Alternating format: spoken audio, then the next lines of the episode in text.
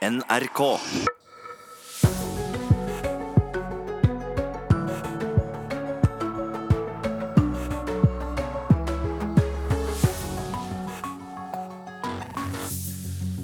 Og da er Nyhetsmorgen i gang, som du har skjønt kanskje, fra klokka sju nå i sommerferieukene. Og i dag har vi en rekke ting vi skal snakke om, annet eh, at Forbrukerrådet har sett seg lei på at norske fastleger tar seg ulovlig betalt for SMS-tjeneste.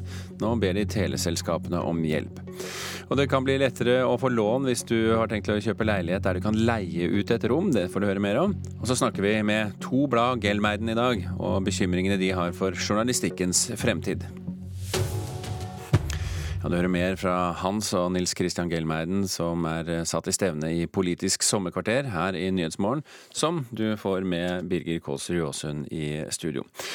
Men vi skal først til Thailand, der vår reporter nå er ca. 800 meter fra inngangen til grotten, der eh, tolv gutter og deres fotballtrener sitter innesperret på tolvte døgnet. Roger Severin Bruland, kan du fortelle oss eh, hva som er siste nytt fra grotten nå?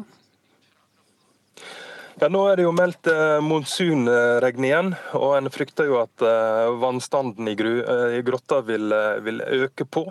Og En driver nå og, eh, og lærer disse her guttene å dykke. For i en nødsituasjon så kan det bli eneste mulighet at de må, må dykke ut av denne grotta. Men eh, fremdeles håper en jo på at været vil holde seg, at det ikke vil begynne å regne. men eh, Været her i Nord-Thailand er notorisk ustabilt, så en vil aldri helt vite. så En må ha alle muligheter å åpne. og det De sier at en kan muligens prøve å berge dem ut neste uke, eller om tre måneder. Eh, det kommer helt an på værforholdene. Ja, det er jo sånn at Hvis det, slutter å regne, så vil vannet gå ned og redningsaksjonen blir vesentlig lettere. Men om det fortsetter, så vil vannet gå opp og eh, redningsaksjonen vesentlig vanskeligere. Vet vi noe, altså Du sier at været er ustabilt, men vet vi noe hva værmeldingen sier? Ja, Det er meldt eh, monsunregn, og det er også meldt regn i dag, en liten grann. Men eh, når en ser eh, skyene her, så skifter det utrolig fort. Nå er det helt tørt der, og da tørker det veldig fort opp. og Da kan pumpene få lov til å jobbe og, og tømme ut vannet. Men kommer det monsunregn, så er det helt håpløst å pumpe ut vann, og da må en finne andre løsninger. Hele verden synes jo å være interessert i skjebnen til disse guttene, Roger. Selv om vi bor på den andre siden av jordkloden. Hvordan er interessen i Thailand? Det er jo kjempestor interesse, og det er en viss eh, stolthet òg. Jeg var jo på flyplassen og, og kjøpte med noen eh, telekort, og, og, disse damene lurte på hvor jeg skulle. Jeg var journalist og skulle opp til grotta. Å ja, det var det flott, sa de. Og, og jeg var stoppa i en eh, checkpoint av politiet her, for det her er jo et grenseområde opp mot Laos og, og Myanmar. Og de lurte liksom igjen på hva det var jeg skulle. Jeg skulle opp til grotta. Jeg så de smilte. Du ser det er en slags stolthet over at de har klart å finne disse her guttene i live. Selv om det det ikke er avklart, så, så, tyder jo alt på at det her kan ha en lykkelig ende. Og Det er litt sånn nasjonalfølelsen at eh, nå eh, drar vi sammen, vi får internasjonal hjelp, og det er masse optimisme.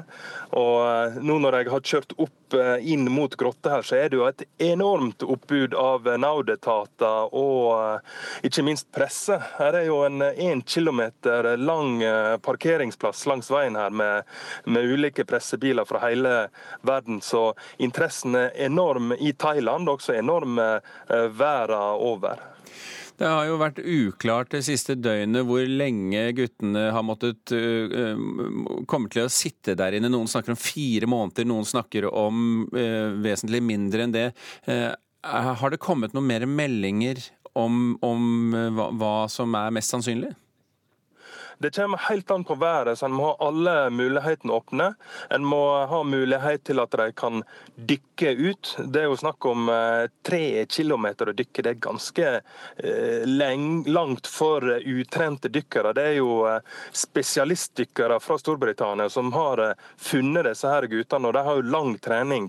Og det er jo det de frykter, at hvis en tar dem ut ved å dykke, at en kan få panikk i det gjørmete vannet der en bare ser én meter foran seg. Og det er jo det en frykter, at, eh, at nå når han har funnet dem i live, at noe skal skje med dem etterpå. Så det vi gjør, er vi gjør det så trygt som mulig.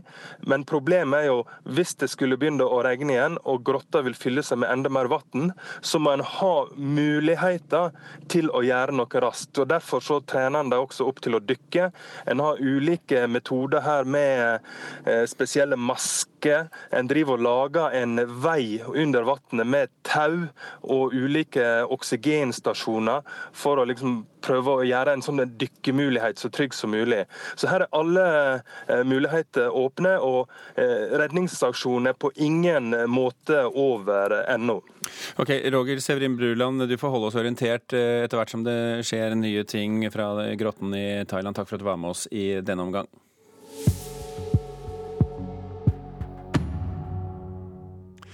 Forbrukerrådet ber nå Telenor og Telia om hjelp til å stoppe ulovlig SMS-gebyr hos legekontorene. Mange legekontor, altså fastleger, tilbyr SMS-bestilling av legetime mot et gebyr som da pasienten må betale. Pasientombudet i Oslo sier de mottar ca. 20 klager i året fra misfornøyde pasienter. Tjenesten er nemlig ulovlig, ifølge Forbrukerrådet. Hei, er det riktig at jeg skal betale seks kroner for legens SMS-samtale med meg? Jeg fått en regning på 2097 kroner for timebestilling og andre henvendelser til fastlegen min. Det blir mye penger for meg som er ufør. Det står det i en klage som er sendt på e-post til pasientombudet i Oslo. Personen som har kontaktet ombudet, snakker om gebyret som pasienter får på telefonregningen etter å ha bestilt legetime på SMS. Anne Kristin Wie er fagdirektør i Forbrukerrådet. Hun mener gebyret er ulovlig. Helsedirektoratet har gitt beskjed til alle landets fastleger og alle landets kommuner om at pasientene ikke kan ilegges dette eh, gebyret, fordi det er i strid med, med gjeldende regelverk.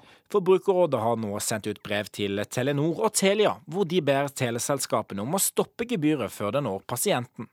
Gebyret blir gitt etter at pasienten har tatt kontakt med legekontoret. Fra første SMS påløper det et gebyr på seks kroner per melding som sendes frem og tilbake. Regningen ender til slutt opp hos pasienten selv. Helsedirektoratet har i flere omganger informert legekontorene om at det ikke er lov å ta betalt av pasienten for en slik tjeneste. Den kostnaden som leverandøren har på sin tjeneste, er noe legekontoret må ta på sin kappe. Her må man ikke begynne å blande inn pasienten og overføre kostnader på dem som de ikke skal ha.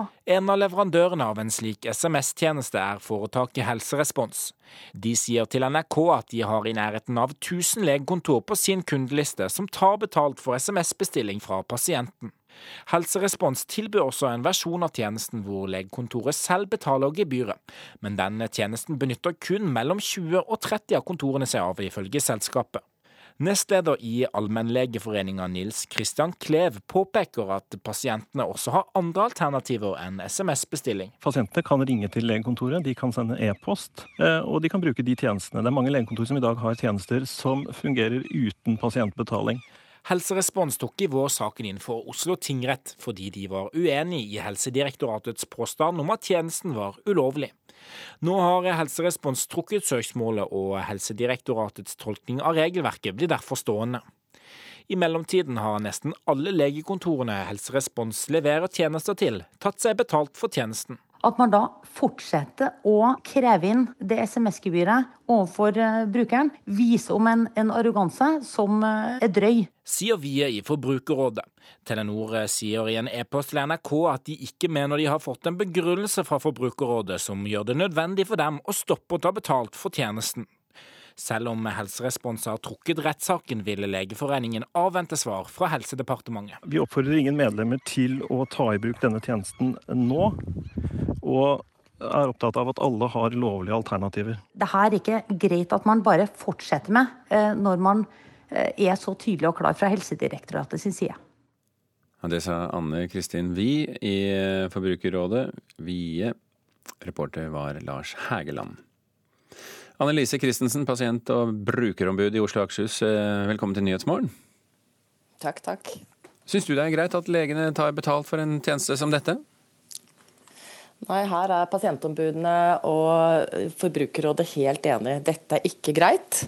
Eh, og det enkelte legekontor har fått beskjed om dette opptil flere ganger. Og kommunene har fått beskjed, kommunene som har ansvaret for at fastlegene følger lover og regler. Ja, og Så skjer det altså ingenting. Hva, eh, hva må gjøres?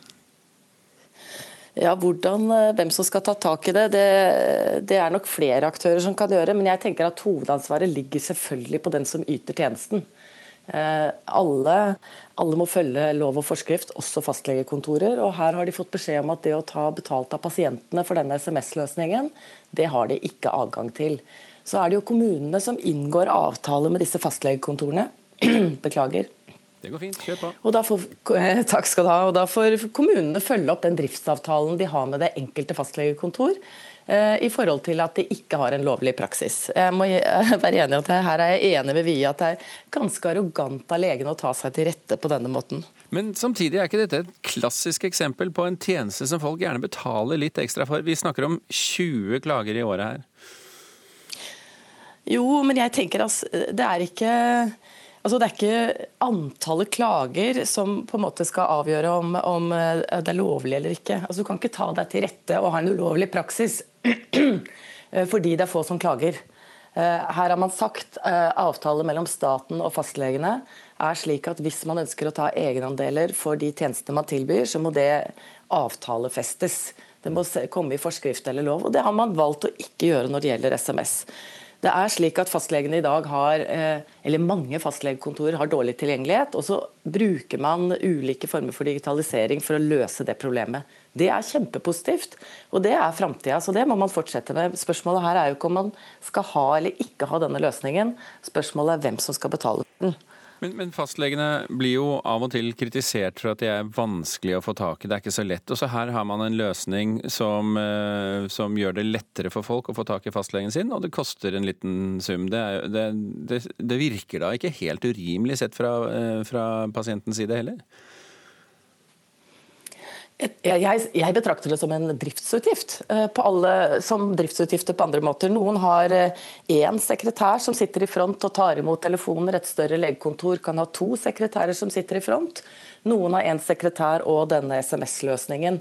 Og Det er helt fint. Man kan, man kan ha ulike måter å møte pasientene sine og betjene pasientene sine på. Men, men, man må betrakte det som en driftsutgift som ligger inne i kostnaden. Og så får man avgjøre selv hvordan man ønsker å gjøre det. Dette er jo en type løsning som benyttes av andre tjenester også. Sykehusene benytter SMS. Tannlegene har benyttet SMS lenge uten at det er en betaling som går utover deres pasienter. Men de som eh, dere får, altså eh, Forbrukerrådet får noen klager, dere får også inn klager, så vidt jeg forstår. Hva er det folk reagerer mest på? Eh, altså De som henvender seg til oss, de fleste tenker jo ikke over dette. Eh, det gjør jo ikke praksisen mer lovlig, jeg må bare understreke det. Men de som henvender seg til oss, de har eh, fått informasjon om at dette er en ulovlig måte å inndrive penger. Og er både forundret og indignert og forbanna over at fastlegene deres ikke følger norsk lov og norske forskrifter. Og det har jeg stor forståelse for, og det er viktig at de sier ifra.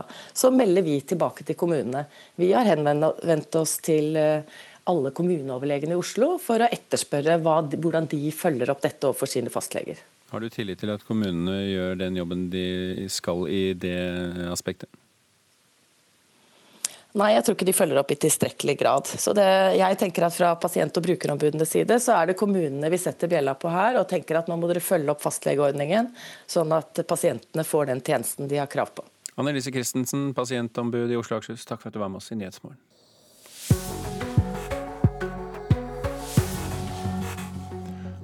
Du hører altså på Nyhetsmorgen. Klokka har passert kvart over eh, sju med en akseptabel margin. Eh, toppsakene våre i dag er at eh, det går mot monsunregn i Thailand. Det kan gjøre redningsarbeidet vanskeligere i grotten der disse tolv guttene sitter, og deres trener sitter innesperret.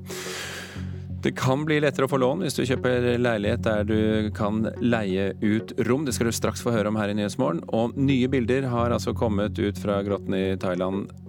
Det er det som er eh, vår toppsak i dag. Skaffer du deg leilighet der du kan leie ut et rom, vil det bli lettere å få lån med den nye boliglånsforskriften. Forskriften strammer egentlig inn på bankenes mulighet til å gi lån til boligkjøpere, men fra 1.7 kan leieinntektene tas med når du søker om lån. Velkommen til visning i tredje etasje. Boliglånsforskriften som finansminister Siv Jensen fornyer fra 1.7, skal sørge for at det ikke blir for mange på visning framover. Men én ting i den nye forskriften kan likevel gjøre at det blir flere. Ja, det er jo sånn at eh, Den eh, nye forskrifta er tydelig på at eh, bankene kan ta såkalte dokumenterte og stabile skattefrie inntekter med i, i regnestykket. For Andreas Nyheim og DNB sier den nye forskriften åpner for at leieinntekter fra et rom eller en hybelleilighet i boligen nå kan regnes med som inntekt. Grovt sagt kan man få lån tilsvarende fem ganger årlig leieinntekt mer enn tidligere, uten å bryte med inntektskravet i forskriften. Og det gjelder også eh, leieinntekter, sånn som vi forstår det, og, det er positivt. Ja, det er jo en del som har eh, leieinntekter, enten f.eks. i en sokkelleilighet i huset sitt eller eh, en sekundærbolig de leier ut. Og det er jo å anse normalt som en stabil inntekt, og det kan nå regnes med. Og det er klart at det gir jo for enkelte en betydelig eh, økt mulighet for å låne mer penger. Administrerende direktør Christian Dreyer i Eiendom Norge tror også unge på vei inn i markedet vil benytte seg av muligheten til å leie ut for å få mer lån. Det å sprange opp til treroms fra toroms er ikke like stort som det å kjøpe en Toron og førstegangsleilighet. Og det er eh, for enkelte faktisk den inngangsbilletten de trenger for å klare å komme seg inn på markedet. Ja, det, det er jo i hvert fall eh, sånn at eh, i områder med press og høye boligpriser, så vil det alt annet likt telle positivt. Så kanskje litt lettere å komme seg inn, altså? Akkurat dette teller positivt. Og så er jo dette her et, et stort regnestykke med, med, mange variabler.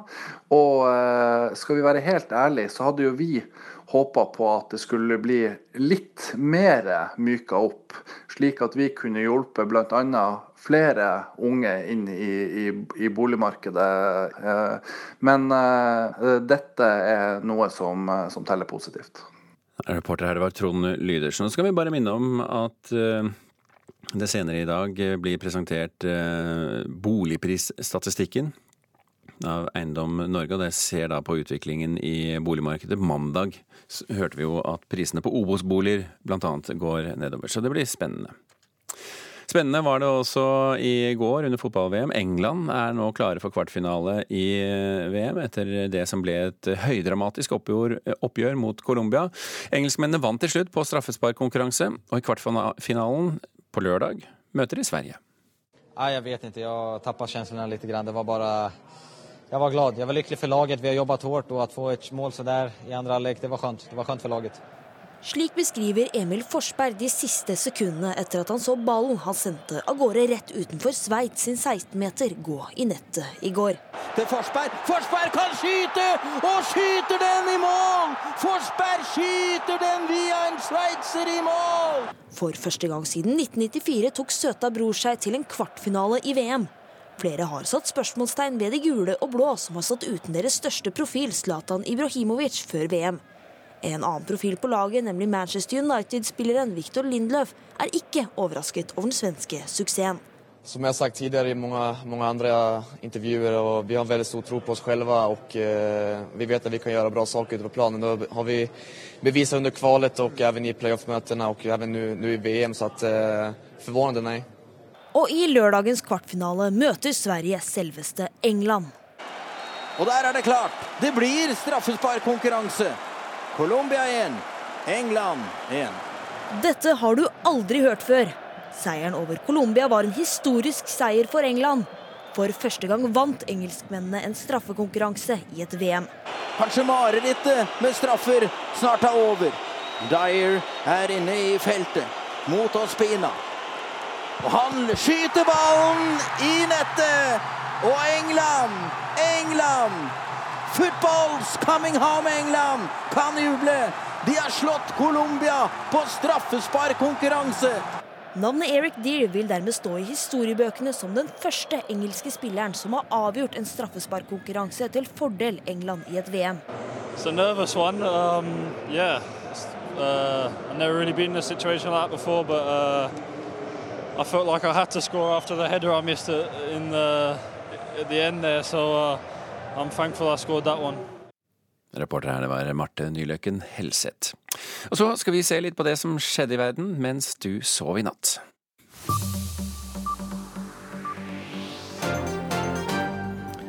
Politiets eh, bombegruppe måtte rykke ut til eh, Grønland i Oslo i natt etter at de fikk melding om en mistenkelig gjenstand. Det var en bag, og en av grunnene til at politiet ble tilkalt, var at det var noe i bagen som ga fra seg et rødt, blinkende lys.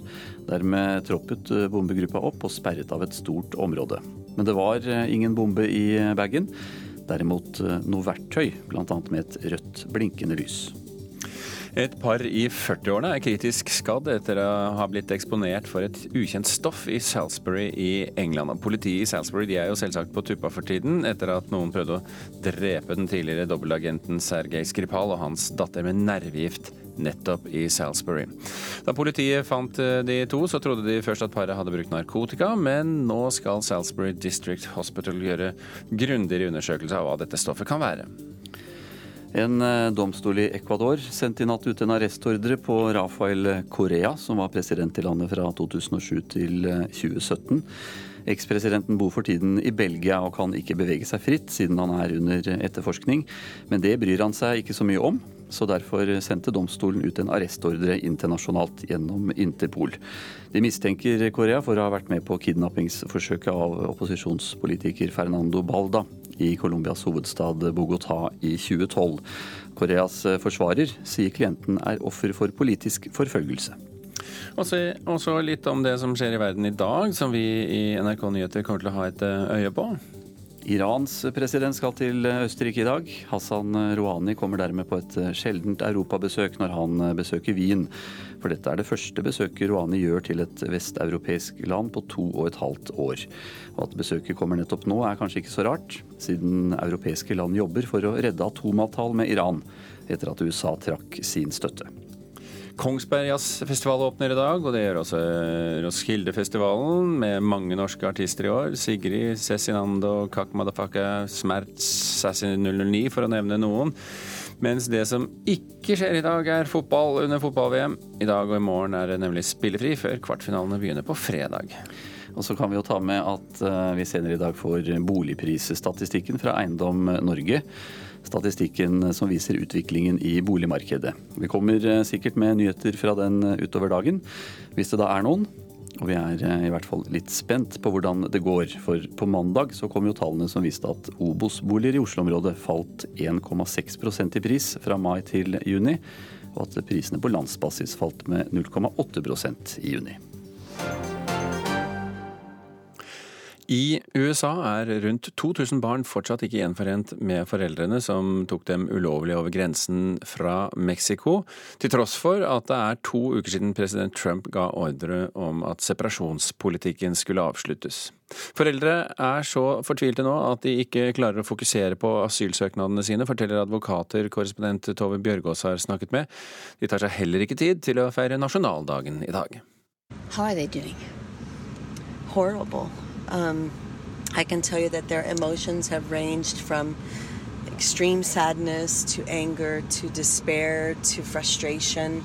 If they don't get through their own individual cases, then there's you know little likelihood that they'll ever be able to get back their children. De har det forferdelig. De er ekstremt lei seg og klarer ikke å fokusere på asylintervjuene sine. Men det må de jo om de skal få se barna igjen, forteller Jodi Goodwin. Immigrasjonsadvokaten møter meg i den intense sommerheten utenfor porten til Port Isabel Detention Center i Texas.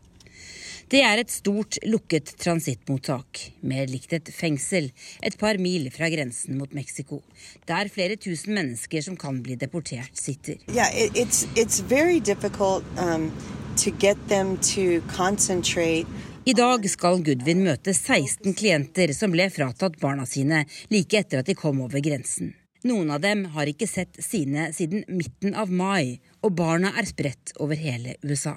California, Michigan, all over Texas, uh, Florida, New York. Of the group of individuals that we've been working with, um, the youngest one is six months. Det minste av barna til våre klienter er bare seks måneder gammelt, forteller Goodwin. ¿Quieres hablar con tu mamá?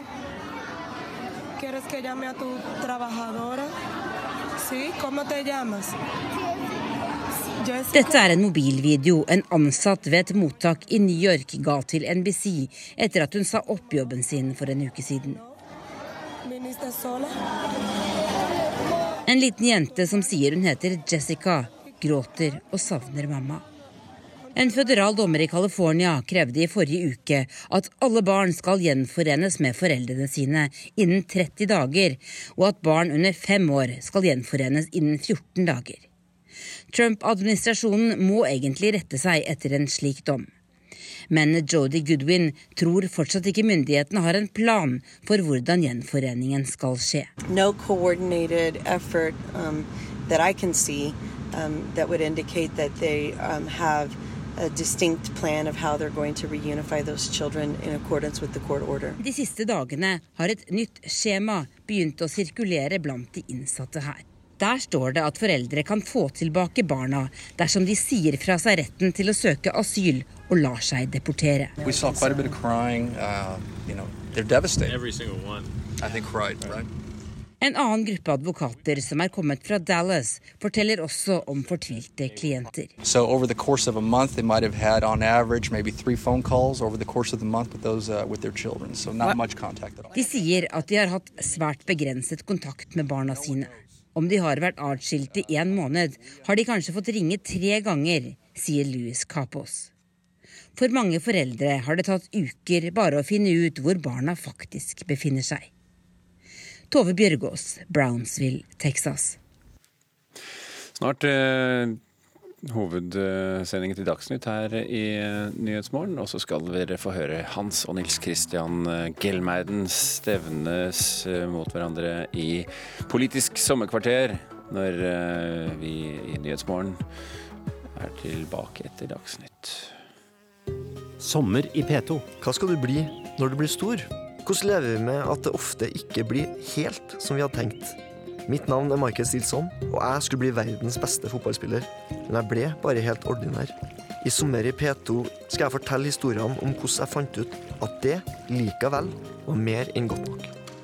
Sommer i P2 hver dag klokka ni og når du vil i NRK radio, nett og mobil.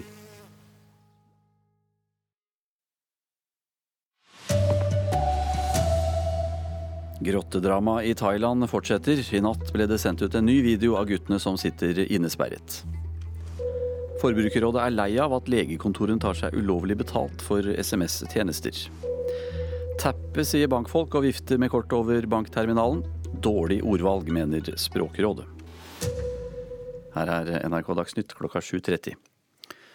Ja, dykkere har i natt eh, offentliggjort en ny video av eh, fotballaget som sitter innesperret i ei grotte i Thailand. I den nye videoen forteller guttene at de har det etter forholdene bra. De smiler til kamera, og innimellom kan vi også høre at guttene ler. De er ved godt mot, til tross for at det nå er over ti dager siden de sist så dagslys. En etter en introduserer de seg og sender hilsener til familiene sine. Jeg har det bra, sier en av guttene. Jeg har ennå ikke sendt ei hilsen, sier en annen. Blant dykkerne som har vært ned og sett etter guttene, er en lege og en sykepleier. De har gitt fotballaget mat og medisiner, og sier at de har det etter forholdene bra.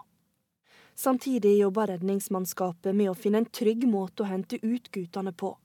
Det er pumpa ut en del vann fra grotta, men vannivået er ennå ikke lågt nok til at dykkerne mener det er trygt. På utsida er det stor glede når familiene får se videoen av guttene. Dette er den eneste kontakten familiene har hatt med dem de siste ti dagene. Jeg er så glad for at han er i live og at han har det bra. Jeg har ikke ord, sier ei av mødrene, som ennå ikke veit når hun får se sønnen sin igjen. Sa reporter eh, Marte Halsør.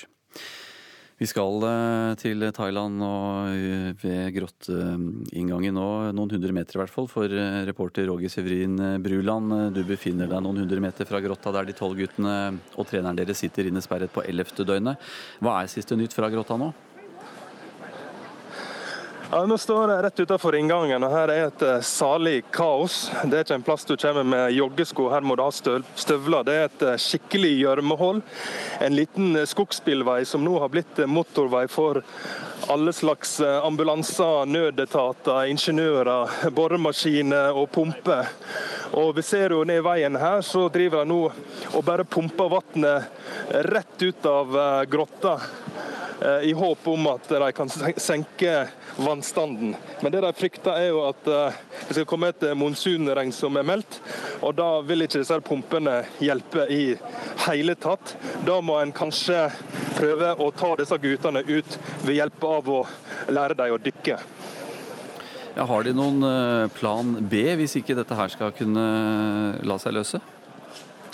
Ja, Da blir det å ta dem ut eh, så raskt som mulig ved å sette på dem dykkerutstyr og prøve å lede dem gjennom denne eh, flere kilometer lange gangen som ligger under vann. Det er utrolig risikofylt, og det vil de unngå for enhver pris. Akkurat nå er det kokende varmt her og sol, men det kan skifte på timen.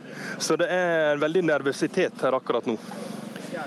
Takk skal du ha, Roger Severin Bruland, som altså nå har eh, kommet seg eh, til eh, grotta der de tolv guttene og treneren deres sitter innesperret, altså på ellevte døgnet. Forbrukerrådet ber nå Telenor og Telia om å hjelpe dem å stoppe ulovlige SMS-gebyr hos legekontorene. Mange legekontorer tilbyr SMS-bestilling av eh, legetimen mot et gebyr som pasienten må betale. Pasientombudet i Oslo sier de mottar rundt 20 klager i året fra misfornøyde pasienter. Og tjenesten er ulovlig, mener Forbrukerrådet. Hei, er det riktig at jeg skal betale seks kroner for legens SMS-samtale med meg? Jeg fått en regning på 2097 kroner for timebestilling og andre henvendelser til fastlegen min. Det blir mye penger for meg som er ufør. Det står det i en klage som er sendt på e-post til pasientombudet i Oslo. Personen som har kontaktet ombudet, snakker om gebyret som pasienter får på telefonregningen etter å ha bestilt legetime på SMS. Anne Kristin Wie er fagdirektør i Forbrukerrådet. Hun mener gebyret er ulovlig. Helsedirektoratet har gitt beskjed til alle landets fastleger og alle landets kommuner om at pasientene ikke kan ilegges dette eh, gebyret. Forbrukerrådet har nå sendt ut brev til Telenor og Telia, hvor de ber teleselskapene om å stoppe gebyret før det når pasienten. Fra første SMS påløper det et gebyr på seks kroner per melding som sendes frem og tilbake. Regningen ender til slutt opp hos pasienten selv. Helsedirektoratet har i flere omganger informert legekontorene om at det ikke er lov å ta betalt av pasienten for en slik tjeneste. Her må man ikke begynne å blande inn pasienten og overføre eh, kostnader på dem som de ikke skal ha. Nestleder i Allmennlegeforeninga Nils Kristian Klev påpeker at pasientene også har andre alternativer enn SMS-bestilling. Pasientene kan ringe til legekontoret, de kan sende e-post. En av leverandørene av en slik SMS-tjeneste er foretaket Helserespons. Helserespons tok i vår saken inn for Oslo tingrett fordi de var uenig i Helsedirektoratets påstand om at tjenesten var ulovlig. Nå har Helserespons trukket søksmålet, og Helsedirektoratets tolkning av regelverket blir derfor stående. I mellomtiden har nesten alle legekontorene Helserespons leverer tjenester til, tatt seg betalt for tjenesten at man da fortsetter å kreve inn det SMS-gebyret overfor uh, brukeren, viser om en, en arroganse som uh, er drøy. Sier Vie i Forbrukerrådet. Selv om Helserespons har trukket rettssaken, ville Legeforeningen avvente svar fra Helsedepartementet. Sa reporter Lars Hægeland. En uke før Nato-toppmøtet i Brussel øker USA presset på sine allierte om å bruke mer penger på forsvar. I et brev til forbundskansler Angela Merkel skriver Donald Trump at Tyskland har en del av skylda for at andre Nato-land ikke bruker nok penger på militære formål. Amerikanerne har lenge ment at de betaler altfor mye og alliansepartnerne altfor lite til Europas forsvar. Og nå trappes presset opp. President Trump sendte nylig formanende brev til flere Nato-land, blant dem Norge. Men de spisseste formuleringene rettes mot Angela Merkel, ifølge The New York Times. Tyskland fortsetter å bruke for lite penger til forsvar, og fordi du blir sett på som en rollemodell, så fører det til at heller ikke andre land oppfyller sine forpliktelser, skriver Trump ifølge avisens kilder. I dag bruker Tyskland 1,2% av bruttonasjonalprodukt til forsvar. Tyskland er viktig i kraft av sin størrelse, eh, den største økonomien i Europa. Sier Natos generalsekretær Jens Stoltenberg til NRK. Men det er også sånn at hva andre Nato-land gjør, spiller en rolle. Eh, jeg har vært opptatt av å formidle til amerikanerne, men til også alle andre, at også Tyskland nå tar på alvor at vi lever i en mer usikker verden. Det er jo ingen som i utgangspunktet ønsker å bruke penger på forsvar. Eh, alle politikere jeg treffer, ønsker heller å bruke penger på helse, på utdanning, på eh, infrastruktur. Eh, men det er dessverre slik at når vi kuttet forsvarsutgiftene betydelig når spenningen gikk ned etter den kalde krigens slutt, så må vi dessverre investere mer i Forsvaret når spenningen går opp. Reportere her var europakorrespondent Philip Lote og Wenche Eriksen. Bankfolk mener det heter å tappe når du vifter med kortet over bankterminalen. Det hjelper ikke at det skrives med æ. Ordet å tappe er ikke norsk, mener Språkrådet. Folk vi har snakket med var litt i tvil om hva ordet egentlig betyr. Teppe, ja det høres litt det er, Nei, det er ikke bra. Teppe, det, det noe, kan jo være noe annet òg. Teppe. Grunnen til at de ler her, er at hvis du snakker sleng, så kan ordet rett og slett bety å hoppe til køys. Hva heter det når man, man bruker det merket der og så holder over en betalingsterminal? Skanner. Skanner. Ja. Bankfolk de har foreslått ordet teppe med æ. Nei, det er vel feilskrevet engelsk. Tapping. Høres jo litt morsomt ut, da. At ordet er mer engelsk enn norsk, er Språkrådets direktør Åse Vettås enig i. Det skrives med æ, og det signaliserer jo da ekstra tydelig at dette er eh, et, et engelskspråklig ord. For, eh, for hvis, eh, hvis en hadde valgt skrivemåten med a, så ville jo uttalen vært tappe på norsk. Det er vårt nasjonale betalingssystem Bankaksept som vil ha oss til å bruke ordet teppe. Vegard Heir er markedsdirektør, og han er ikke enig i at ordet er engelsk. Vi, eh, vi har valgt uh, teppe, og så ser vi det som en litt tilbakeføring av et gammelt norrønt uh, uttrykk, som er tappe. Nå brukes det jo i engelsk språk, men det originale er altså fra et norrønt ord tappe. Så har vi valgt å fornorske det litt i skrivemåten og gjøre det fonetisk til tette med æ. Reporter her var Tone Staude. Anne Skårseth har ansvaret for NRK Dagsnytt i dag. Jeg heter Anders Borgen Werring.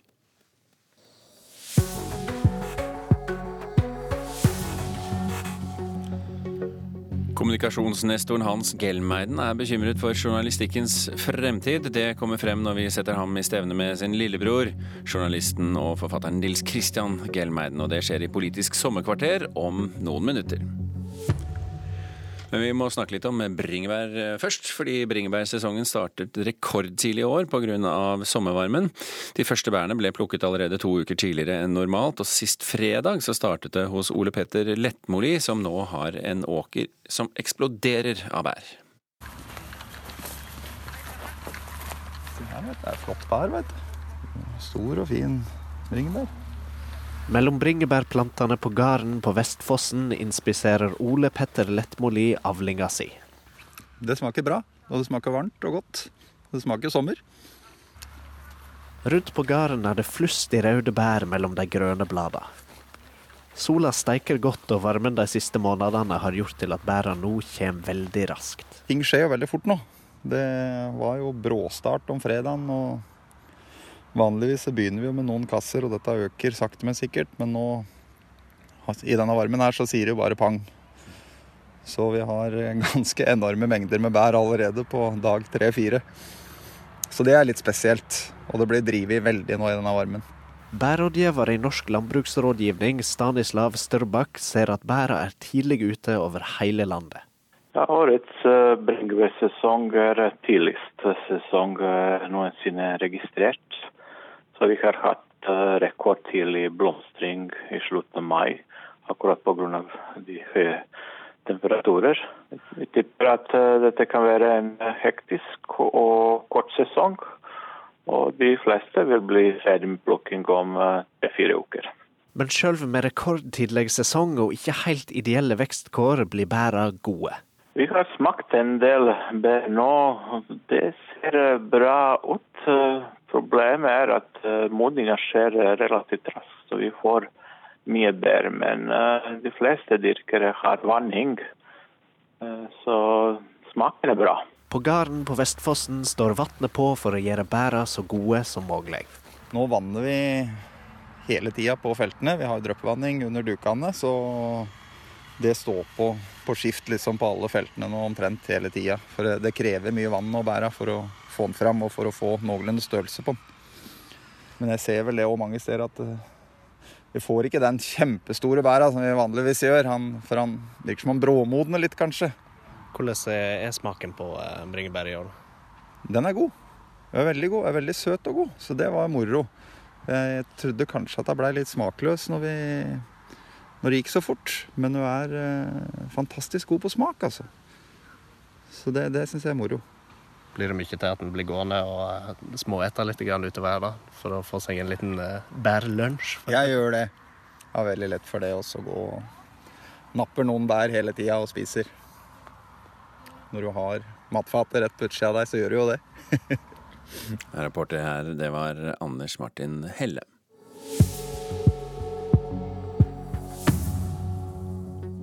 Du hører på Nyhetsmorgen, eh, og toppsakene våre i dag er at det har kommet nye bilder fra grotten i Thailand der tolv gutter og deres trener sitter innesperret. Vår reporter på stedet forteller at det kan komme monsunregn nå, og det vil gjøre redningsarbeidet vesentlig vanskeligere. Forbrukerrådet har sett eh, seg lei på at legekontor tar seg ulovlig betalt for SMS-tjeneste. Nå ber de teleselskapene om hjelp. Og det kan bli lettere å få lån hvis du kjøper leilighet der du kan leie ut et rom.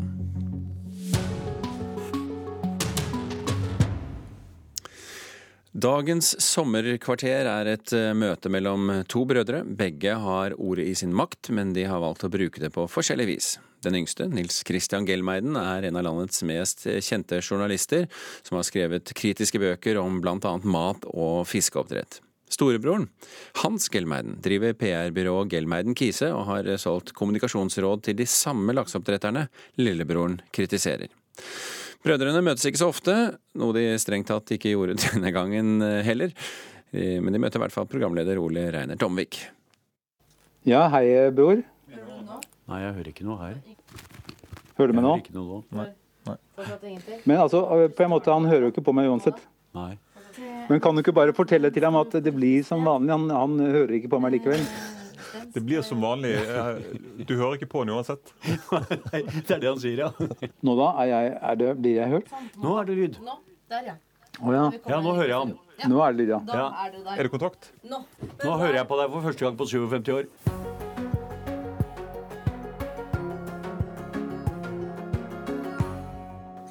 Dere begge heter Gelmein til etternavn. Eh, Ja. For å gjøre det litt enkelt i denne sendingen her, så sier jeg bare Nils Kristian og Hans. Det går veldig Du kan godt si Nils. altså Det er det vanlige. Folk som kjenner meg, sier bare Nils. Nils, ja. ja. Men jeg kaller ham Nils Kristian. Ja, han kjenner meg ikke. Men endelig møtes dere iallfall på, på luften her i NRK. Hvor lang ferie tar du? Fem uker tar jeg. Man blir et bedre menneske av ferie. Nils Kristian, sjekker du jobb-e-posten når du er på ferie? Jeg gjør nok det en gang i dø- i døgnet iallfall. Hans, syns du det er greit å gå med shorts på jobben? Ja, jeg sa nettopp at jeg syns ikke det er så viktig med kleskode. For meg må man gjerne gå naken. Ja. Naken, hva ville skjedd hvis eh, du møtte Greg Seafood eh, naken i et møte? Det tror jeg de hadde tatt med fatning. Det er jo et selskap som lever av biologi. Dere er også brødre. Eh, Nils Kristian, du er yngst. Du er fire år eh, yngre enn Hans. Ja, som regel. Men er storebror fortsatt sterkest? Altså, Hvordan er det mental styrke? Er det fysisk styrke? Jeg vet ikke hvordan man måler det. Vi kan godt eh, snakke om i overført betydning. altså Hvem er sterkest av dere to? Journalisten eller kommunikasjonsrådgiveren? Jeg håper jo at det jeg driver med, er viktigere. Selvfølgelig. Du da, Hans? Hva tenker du? Eh, Når det gjelder yrket vårt, eh, så håper jeg jo at Nils Kristian har rett i at en som står helt uavhengig, og som kan slå alle veier, er sterkere enn en som eh, arbeider for definerte interesser. Men du, du er jo faktisk engstelig på vegne av journalistikken. At det blir færre og færre journalister i forhold til din yrkesgruppe, nemlig kommunikasjonsrådgiverne. Hvorfor er du engstelig for det? Jeg tenker Når vi ser Trump, når vi ser nasjonalisme på fremvekst, når vi ser toleranse på tilbakegang, så tenker jeg det kommer av at uh, vestlige samfunns virkemåte er svekket. Og jeg tenker at svekkelsen av mediene og medie, medier som kunnskapsformidlere er en viktig del av det. I prosesser hvor jeg arbeider, så ser jeg veldig sjelden mediefolk på innsiden av prosesser på tidspunkter hvor det er få deltakere og hvor mye bestemmes. Stort sett syns jeg mediene havner på utsiden Eh, når eh, fakkeltogene opererer, når det er mange deltakere og lite som skal besluttes. Og jeg tenker Det kommer av manglende kunnskap og manglende ressurser på mediesiden. Og det bekymrer meg mye, eh, fordi det er en trussel mot det opplyste demokratiet. Nils Kristian, journalisten her, Hva tenker du når du hører din brors bekymring på vegne av journalistikken? Ja, den deler jeg jo i høy grad. Jeg mener at det går feil vei. Jeg mener at Kokkvold hadde rett da han sa at journalister er blitt en del av elitenes runddans. At man nå er journalist i fem år for å få kontaktnett og så kan man få tidobbelt lønn i Gelman Keys eller First House eller som informasjonssjefer i, i, næringslivet. Sånn at det er blitt et springbrett for uh, høyt utdannede mennesker. Og da vil man jo heller ikke gjøre jobben sin i de um, fem årene man er journalist. For, for jobben til, til, en journalist er jo å betjene de avmektige overfor makthaverne. Det er alle journalister enige om når de møtes på Scoop-konferanser. Men de gjør det i avtagende grad fordi det er eh, lite lukrativt. Det er lite å tjene på å betjene de avmektige. Det er mer å tjene eh, på å betjene oppdrettsnæringen enn, enn på å gjøre det motsatte. Eh, og dessverre følger journalistene pengene. De betjener av den grunn i avtagende grad sitt aller viktigste mål. altså Hensikten med å utgi aviser er å gi de avmektige en stemme overfor makthaverne. Hans, hvis du er så bekymret på vegne av journalistikken, Hvorfor har du da viet livet ditt til å jobbe som kommunikasjonsrådgiver? Eh, det kom av at jeg, da jeg fikk sparken som eh, sjefredaktør i Morgenbladet, som var en dagsavis den gang, eh, så var det så liten interesse for å ansette meg at jeg måtte finne på noe på egen hånd. Og da ble det Gelmeiden Kise. Nils Kristian, er det en god forklaring? Unnskyldning? For jeg kan ikke sjekke den. Det er jo, livene våre består jo av valg vi gjør. Jeg, jeg mener jo at det er vanskelig i fall, å betjene de avmektige overfor makten mm, hvis man driver et kommunikasjonsbyrå. Hvis man skal se hvem som har mest makt av eh, oss to eh, i profesjonen vår, så er jeg redd eh, dessverre at det er meg. Fordi vi lever av å flytte makt, og vi lever av å flytte makt for ulike interesser. Og det er helt legitimt i et demokrati å gjøre det. For å ta en, en, konkret næring som du har hjulpet, nemlig oppdrettsnæringen. Når du har hjulpet dem, Hva slags type makt har du hjulpet dem med å flytte? Oppdrettsnæringen er en næring med enorm suksess. Eh, men det er også en næring som jeg mener mangler tentakler inn i samfunnet, og forståelse for hva det egentlig innebærer av samfunnsansvar å få lov til å lage mat i allmenning. Eh, så det jeg hjelper dem med, er å koble inn i samfunnet for å forstå hvilket ansvar de egentlig har, og hvordan de må åpne seg for å skape forståelse for verdibidraget deres, for å si det litt mer komplisert. I oppdrettsbransjen så har du mektige aktører som tjener enorme summer. De har råd til å betale deg 4000 kroner timen for dine råd. På den andre siden så har du rekefiskere som sitter alene i en båt og eh, opplever at oppdrettsnæringen bruker eh, kjemikalier som dreper rekene. Ødelegger skallet. Du har kystfiskere som sier at eh, torsken skygger unna der hvor det er laks i fjordene, og de får ikke fisket mer. På hvilken måte skal disse interessene, som da en, en enkel sjarkfisker forsvare seg mot et oppdrettsselskap som har deg eh, på skuldrene? med... Ja, Nå syns jeg du lager en, eh, et motsetningsforhold som, eh, er, som, jeg ikke kjenner meg igjen i. Men det er klart at oppdrettsnæringen har noen utfordringer som den tar på alvor. Det er problemer som går på lus, som går på rømming. Og som også går på utveksling av genmateriale mellom oppdrettslaks og villaks, som du er inne på. Og det må, og det må reguleres. Og jeg mener også at oppdrettsnæringen må finne seg å betale en grunnrente, sånn at eh, fellesskapet har ressurser eh, som kan brukes eh, for å hjelpe næringen å komme disse problemene til livs. Nils Kristian, Hvordan vil du si at din broder har påvirket maktforholdet mellom sjarkfiskeren og oppdrettsnæringen? Ja, altså jeg mener Ditt spørsmål er berettiget, fordi det illustrerer jo saken at sjarkfiskeren har ikke råd til å betale 4000 i timen for, for Gelman Kise eller min bror eller noen andre. Så, så aktører som Gelman Kise selger mer makt til de som allerede har mye makt og mye penger på forhånd. Det er det som er en berettiget innvending. Eh, og, og der mener jeg dessverre at man forskyver eh, makten feil vei. Nå tror jeg man må se at Norge er et korporativt samfunn der også sjarkfiskeren er meget godt organisert og interessene godt ivaretatt. Så det finnes flere aktører enn Gelmeiden Kise her. Det finnes uh, aktører i fiskerinæringen også som er meget sterke, og de har også sjarkfiskerne som medlemmer. Så nå syns jeg vi må sette ting litt i sammenheng her. Nils Kristian, er det balanse her? Eh, det er en eh, tiltagende ubalanse, dessverre. Så storebror er fortsatt sterkest her, altså?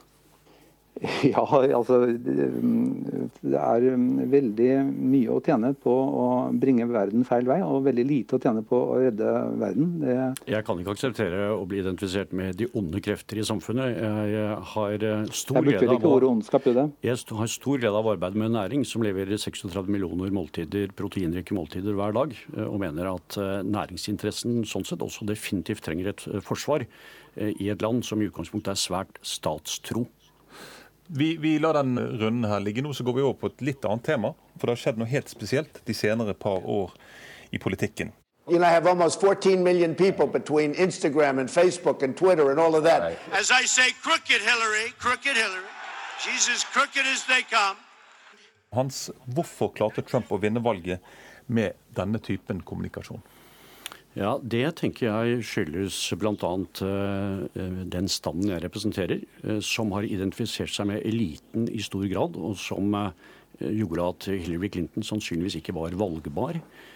Og dårlige kommunikasjonsrådgivere, og det er mange av dem, de hjelper makten å lukke seg, bl.a. gjennom standardsvar, standardbudskap, som preller av målgruppen som vann på gåsa. Ja, har du eksempler på det? Ja, jeg mener det er veldig mange kommunikasjonsrådgivere som ikke bruker kommunikasjon til å kommunisere, men som bruker kommunikasjon som kamuflasje. Og det øker avstanden mellom de som velger og de som velges, altså mellom borgere og politikere. Og når den avstanden blir for stor, eh, ja, da eh, ser ikke folk flest seg tjent med, å, med de politikerne som representerer dem. Det mener jeg åpner et stort rom for Trump. Det har vært skrevet bøker om dette som jeg syns eh, gir en god innføring. Hilberlys klagesang, som er fra Kentucky, som beskriver tilsvarende klassereise og avstand mellom hvit arbeiderklasse, som ikke lenger blir sett, og en politisk elite i Washington som styrer etter internasjonale regler, som altså på et tidspunkt ikke lenger gagner folk flest. Det åpner for nasjonalisme, og det åpner for Trump, og det er skremmende. Hva tenker du om dette, Nils Kristian? Du hører din bror Jeg tenker, jeg har jo tenkt en del på det, jeg har ikke lest den boken du refererte til, men jeg har jo tenkt at denne populismen på fremmarsj og det som gjorde Trump mulig, er mulig fordi stadig flere mennesker føler seg avmektige. De, føler, eh, de stadig flere mennesker er på en måte Eh, la oss si sjarkfiskere som ikke lenger får reker eller som ikke lenger får torsk, og som ikke lenger føler at de har noen fiskeriminister eller noen som taler deres interesser. Eh, stadig flere har den forferdelige avmaktfølelsen av at deres interesser ikke blir ivaretatt. Og, og i den situasjonen så blir man et lettere offer for uh, populister. Hans legger jo faktisk skylden på sin egen stand her, kommunikasjonsrådgiverne. Hva tenker du om det? Ja, det tror jeg er riktig. Jeg tror, av, jeg tror, populisme er en del av resultatet når makten forskyves hver vei. Hans, du skylder det på alle mulige andre. Du har ikke selv en del i dette, som du her beskriver. Eh, hvorfor retter du alltid skytset mot eh, andre i din egen stand, og ikke ser på deg selv? jeg syns i alminneligheten eh, kvaliteten på norske kommunikasjonsfolk er svært lav. Jeg tenker at kommunikasjon må gi næring. Det krever enorm innsikt, det krever enormt analysearbeid. Det krever grundige forberedelser. Sånn som Nils Kristian forbereder seg når han lager gode portrettintervjuer. Men én ting som er viktig i det eh, vi diskuterer nå, som jeg tror vi er opptatt av begge to, det er uavhengigheten. Og uavhengighet som forutsetning for frie resonnement. Eh, vi representerer en borgerlig familie. Vi har vært eh, borgerlige i 350 år i familien Gelmeiden. Og borgerskapet er tuftet på tradisjonen fra den franske revolusjonen. Frihet, likhet og brorskap. Og nå er det jo brorskap vi snakker om for så vidt her også i dag. Og hvis vi hadde lagt til toleranse, Eh, så tenker jeg at det norske politiske ordskiftet og norsk politikk er preget av de verdiene. De er gode verdier å ta med seg når man skal definere et liberalt vestlig demokrati som det norske videre. Dette høres jo fint ut, men hvor uavhengig er du når du får 4000 kroner timen av en oppdragsgiver? Dette er vel noe av det jeg misunner min eh, yngste bror aller mest. Eh, for han er uavhengig. Han er så uavhengig at han til og med har nektet å ta fast ansettelse noe sted. Av og til har jeg vært litt bekymret. Jeg har foreslått fram at jeg kanskje skulle kjøre ned på Tjøme med noe suppe til ham når det har, når det har vært som vanskeligst økonomisk. Så dette misunner jeg ham. Det er klart, Jeg er eh, ikke så uavhengig som min bror. Jeg opererer med flere hundre kunder. Det betyr også at det er en hel masse temaer jeg må unngå, som jeg ikke kan engasjere meg i. Så jeg misunner min bror uavhengigheten hans. Nils Kristian, Når du hører din eh, bror her snakke om eh, det flotte ved det uavhengige, men samtidig erkjennelsen av at han ikke er det fordi han må betjene disse kundene sine, hva tenker du da? Altså, Jeg skjønner hva han sier. Ehm, jeg er stolt av den integriteten jeg har. Og, ehm, men, men, jeg syns det har kostet såpass mye og jeg synes det har vært såpass ubehagelig og har medført så mange ulemper at jeg ikke, neppe ville valgt det igjen. Jeg skjønner godt at folk eh, velger det det trygge, at de velger eh, å betjene gjelden sin, og at de velger mer fornuftig enn det jeg har gjort. Jeg tenker du kommer til himmelen, det er det ikke sikkert jeg gjør. Nei, jeg tror ikke det finnes noen himmel. Det er, jeg litt du, du, Hva serverer du din broder til middag når, når han en sjelden gang kommer på middag til deg, Hans? ja, hva, hva, fikk du, hva fikk du sist? Um. Ja, altså det var kanskje fiskesuppe sist. Eh, det, fiskesuppe har det jo iblant vært. Det var mange til stede. Det var en bursdagsfeiring forrige gang, tror jeg. Men var det ikke, ofte, men, men var det ikke vegetarmåltid faktisk sist? Det var i hvert fall i bursdagen min i år. Var du der? Ja. Nei, jeg var ikke der. Jeg kunne ikke vet du. Men, eh, men, det ville jo i så fall truffet. For jeg har jo ikke spist kjøtt på seks års tid. Men villfisk eh, spiser jeg. Ja. Så når dere kommer eh, til Sandø 5.7, så skal vi nok få tak i en ekte villfisk som selv har fått bestemme hva den skal spise. Da tar vi samtalen videre i juli. Ha det bra, Nils Kristian. Ha det så lenge. Ja, Det var Ole Reinert Omvik som da altså snakket med Hans og Nils Christian Gelmeiden. Og la oss bare ta med at Sjømat Norge, som representerer havbruksnæringen, ikke kjenner seg igjen i påstanden om at næringen ikke tar samfunnsansvar på alvor. Nylig ble det auksjonert ut eh, laksevekst for 2,9 milliarder kroner, og ifølge Sjømat Norge ville ikke det vært mulig hvis ikke problemene med lakselus var delvis under kontroll, som de sier. Sjømat Norge har jobbet for at inntektene skal gå direkte tilbake til kommuner og fylkeskommuner langs kysten, skriver næringen i en e-post til NRK.